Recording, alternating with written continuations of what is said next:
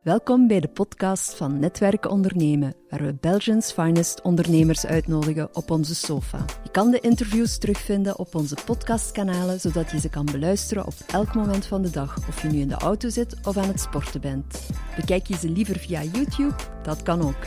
We've got you covered.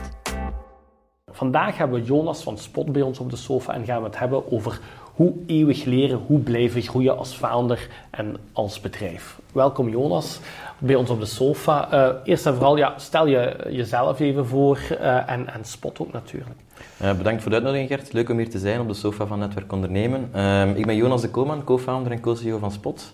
Met Spot zijn wij op een missie om marketeers te helpen om meer te verkopen gelinkt aan hun contentstrategie. Um, we zien een duidelijke verschuiving van het oude push-marketing model naar een nieuw pull-marketing model. En daarbij zijn meer en meer marketeers aan het werken met contentstrategieën. Influencers, vloggers en dergelijke. Nu, uh, geniaal, want uiteindelijk als je product in zo'n content komt, dan heb je direct inspiratie. Iedereen zegt van, wauw, dat, is uh, dat is echt een meisje waarop ik kijk, ik wil er ook zo uitzien.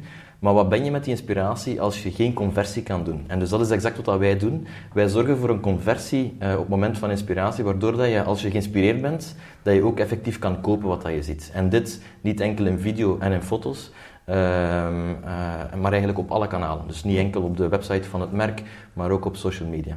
Dus ja, concreet voor de, de, de end-user of de, de kijker nu, hoe, hoe, waar kan hij Spot tegenkomen? Uh, ik kan Spot tegenkomen, bijvoorbeeld een van onze klanten is Lidl, een andere klant is ASICS. Uh, ASICS heeft filmpjes met Novak Djokovic. Um, die filmpjes van Novak Djokovic komen op de ASICS website, maar worden ook gedeeld in publishers campagnes, dus uh, kan perfect op het laatste nieuws komen. worden ook gedeeld op Twitter. En dus die interactiviteit wordt behouden over een die drie platformen. Uh, waardoor dat de marketeer kan kijken van oké, ik heb in totaal tien filmpjes gehad. In die tien filmpjes zie ik dat de conversie van schoenen A veel beter werkt dan van schoenen B. Dus als ik mijn paid media campagnes moet aanpassen, moet ik meer uh, betalende media zetten achter schoen A, want de conversiefunnel is daar veel hoger. Of een ander voorbeeld, uh, een merk als Nike werkt met tien verschillende influencers. Ehm, het is zeer moeilijk om te weten welk van die influencers werkt effectief beter dan een andere, um, want die likes of die followers kunnen gekocht worden. Uh, dus met andere woorden, als je de conversiefunnels ziet, uh, waardoor dat je de efficiëntie kan zien uh, voor elk van de verschillende foto's die je hebt in je contentcampagne, dan kan je zeer gemakkelijk zeggen van oké, die influencer is misschien net iets te duur, want de efficiëntie van die influencer ligt duidelijk onder de efficiëntie van uh, die andere influencer. Ja, duidelijk. Ja, jullie zijn duidelijk op een missie bij Spot, maar, maar hoe gaat dat nu hand in hand met jou persoonlijk? Uh, waarom doen jullie wat, wat, je doet of waarom doe jij wat je doet? Ja, ja sowieso. Um, ik, op, op, mijn 18 jaar heb ik voor uh, bio-ingenieur gekozen, um, biotechnologie. Dus ik ben eigenlijk een ingenieur, maar geen computer science, maar een biotech-ingenieur. Uh, omdat ik uh, enerzijds geïnspireerd was door mijn vader, die ook ingenieur was en iets heeft uitgevonden. Uh, maar anderzijds omdat ik dacht vanuit, van, vanuit biotechnologie kan je het makkelijkste een impact maken op de maatschappij. dus ik heb dat vijf jaar met enorm veel passie gestudeerd. in het laatste jaar in het labo gezien dat mijn persoonlijkheid um, te extrovert is om in een introverte labo-omgeving te functioneren. En dus op dat moment heb ik mezelf moeten heruitvinden en ben ik dan uiteindelijk een marketeer geworden. Dus maar die drive om effectief iets te doen zit er al van zeer jong in. Um, in 2008 um, ben ik dan een non-profit organisatie gestart, Ubridge, in 16 uur per week naast het, naast het werk, naast de fulltime job. Um, waar, dat, waar dat ik ook Michel ben tegengekomen, mijn co-founder, ja. die ook mee aan de kar heeft, heeft getrokken. En het was eigenlijk in 2000, 2013 zijn wij naar Kampala gegaan, Oeganda, waar dat we een project hadden met International Health Science University, een van de grootste universiteiten van Kampala, waar dat we 400 laptops hadden naartoe gestuurd.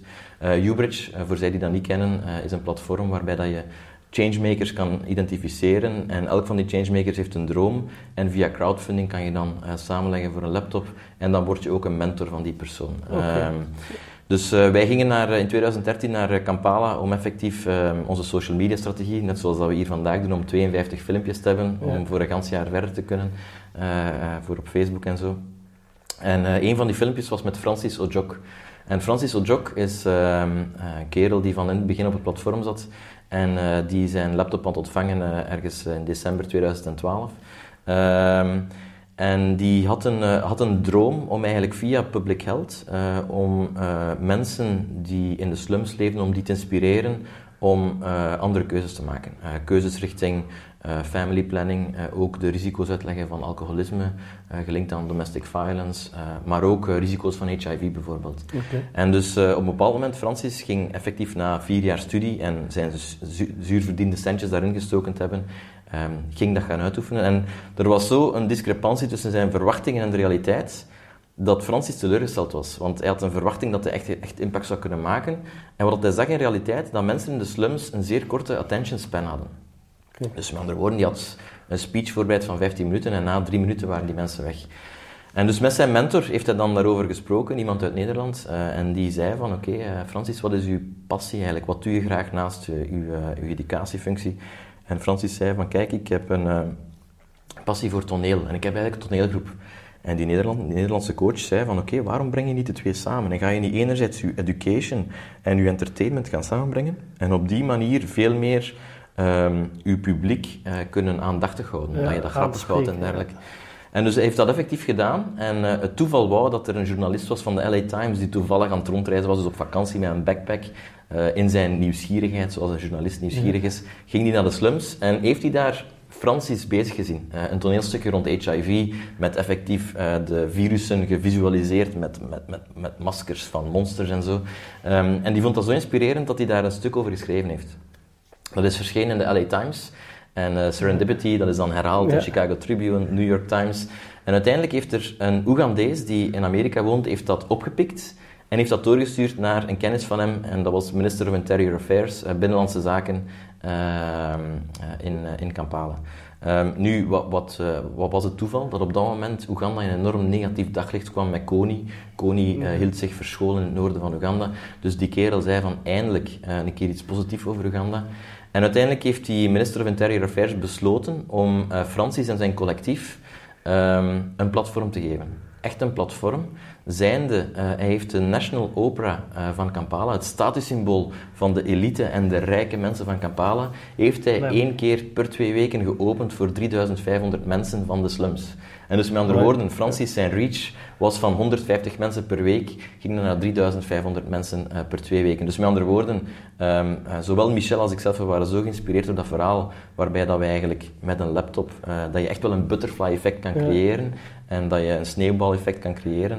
dat we zeiden, uh, s'avonds toen we een pint gingen pakken in Kampala, hebben we gezegd van oké, okay, um, waarom Waarom zouden we niet gewoon, toekomst. Voilà, zouden we gewoon zelf ondernemer worden in plaats van het te doen in 16 uur in onze spare time om eigenlijk fulltime ondernemer te worden. En toen zijn we op een zoektocht gegaan van april 2013, uh, waar dat we in het begin een totaal ander product, uh, wel altijd gelinkt aan technologie voor de verrijking van het leven van mensen, maar in een sportsegment waar dat iedereen het de max vond, maar niemand wou betalen. En dan eigenlijk na een aantal pivots zijn we gekomen bij de huidige positionering en het huidige product.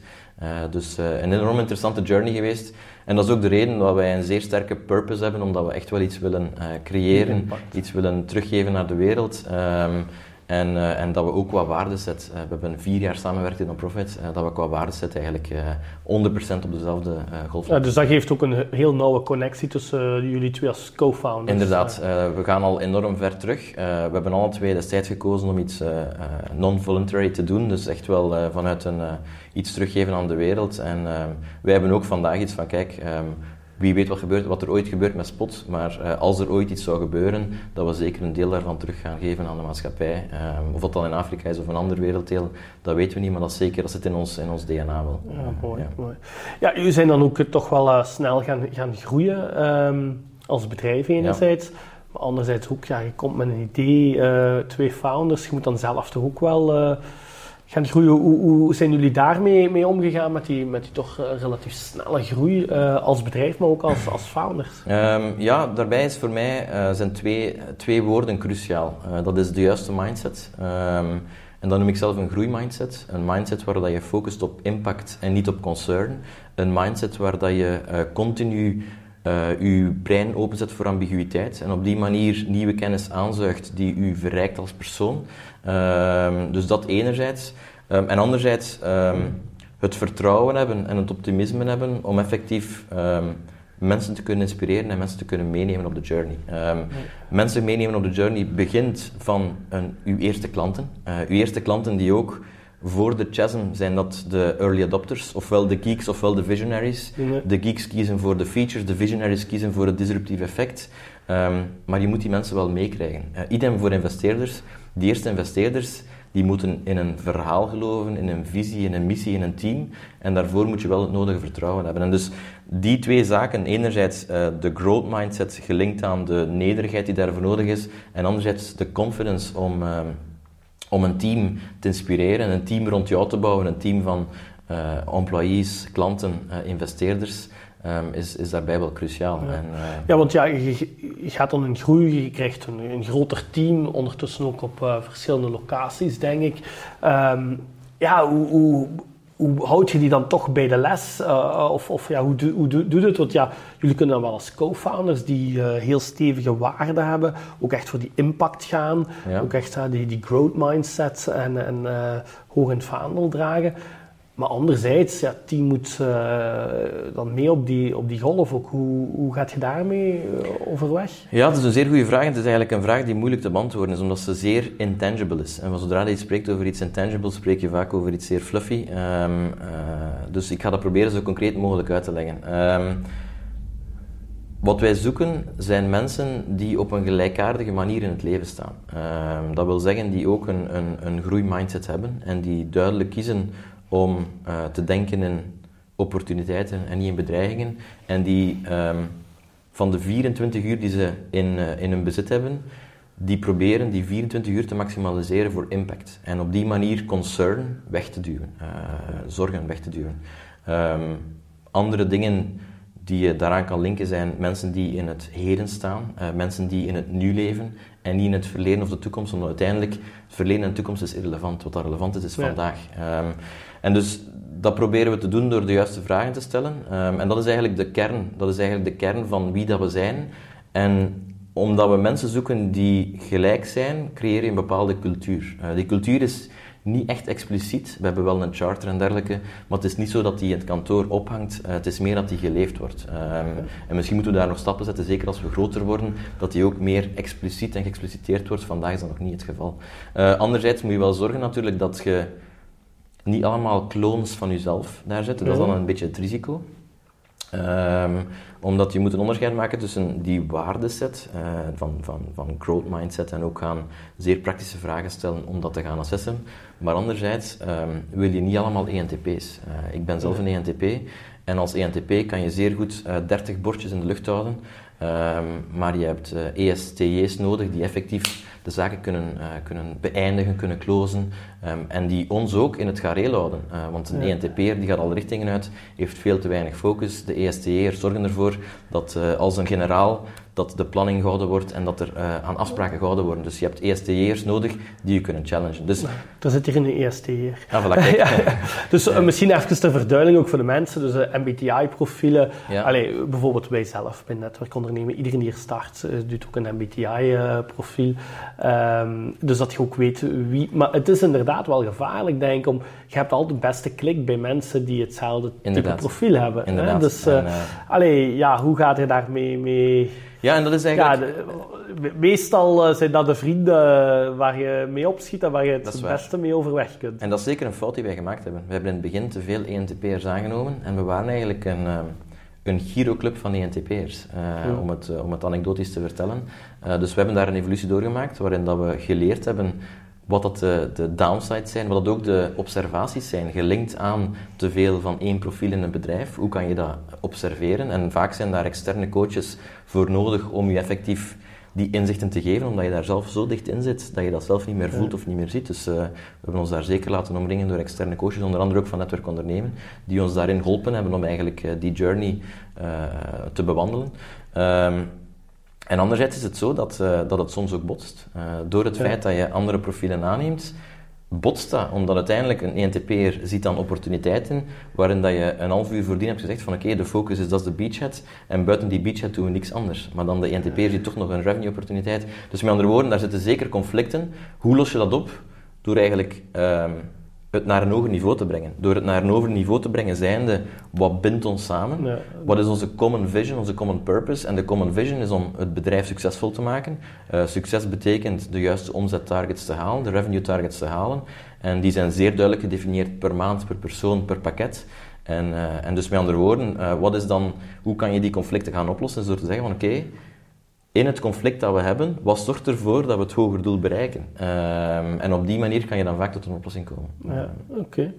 Ja, um, dus ja, qua cultuur is, is uh, mij wel duidelijk, maar u, verandert u uw rol dan ook niet als initieel, als founder? Ja, zeker. Enkele jaren geleden, wacht met tweeën, ja. uh, het was wel, allee, jullie verstonden elkaar vrij duidelijk.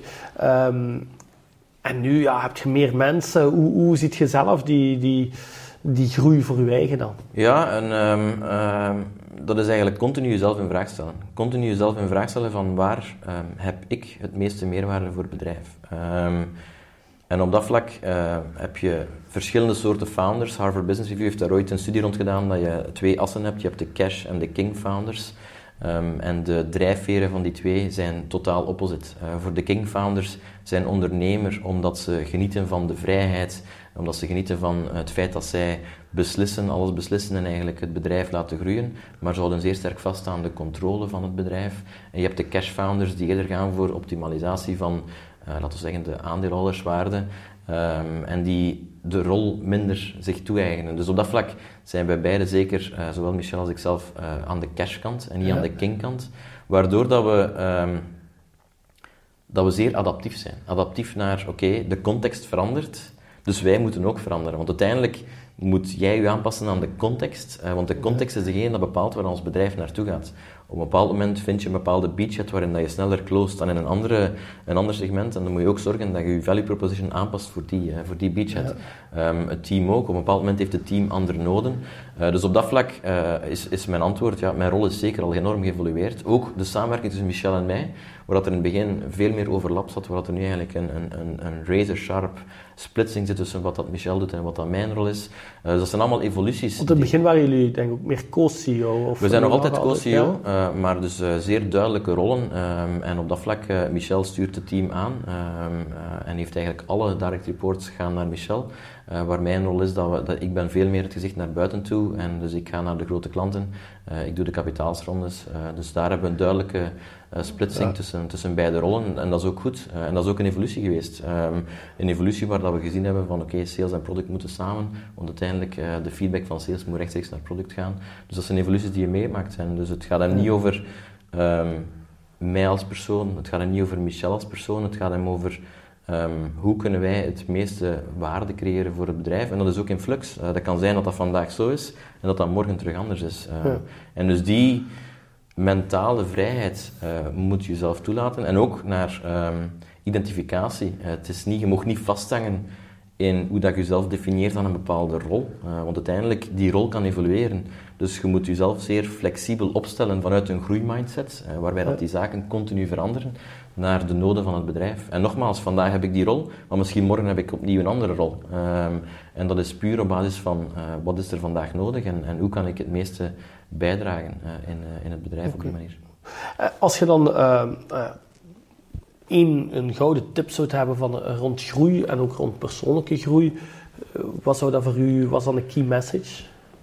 de key message voor mij um, rond groei en persoonlijke groei um, is, um, is, is, is uh, die, uh, die, die ambiguïteit, om kunnen met ambiguïteit en eigenlijk weten hoe dat uw, uw, brein, hoe dat uw brein werkt. Um, en ik, ik ben daar enorm geïnspireerd geraakt door, uh, ik probeer ook wel wat te lezen. Ik heb geen tijd om te lezen, maar tegenwoordig heb je een app genaamd Blinkist, waardoor ik ja. vijf, vijf boeken per week lees onderweg in de file naar het werk of naar een klant.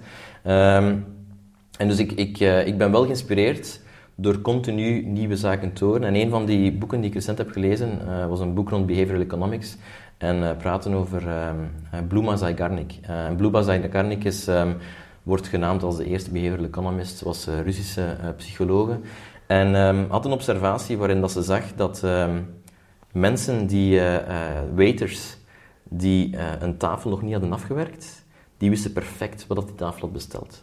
ene cola, één spuitwater, twee volle vans, uh, een chocolamousse en, uh, en, een tiramisu. Dus je mocht op elk moment vragen van tafel 10... Welke tafel staat er nog voilà, open? Uh, die wisten het. Die wist dat perfect. Dus die weters. En op het moment dat dat al afgerekend, was, dat weg. Delete.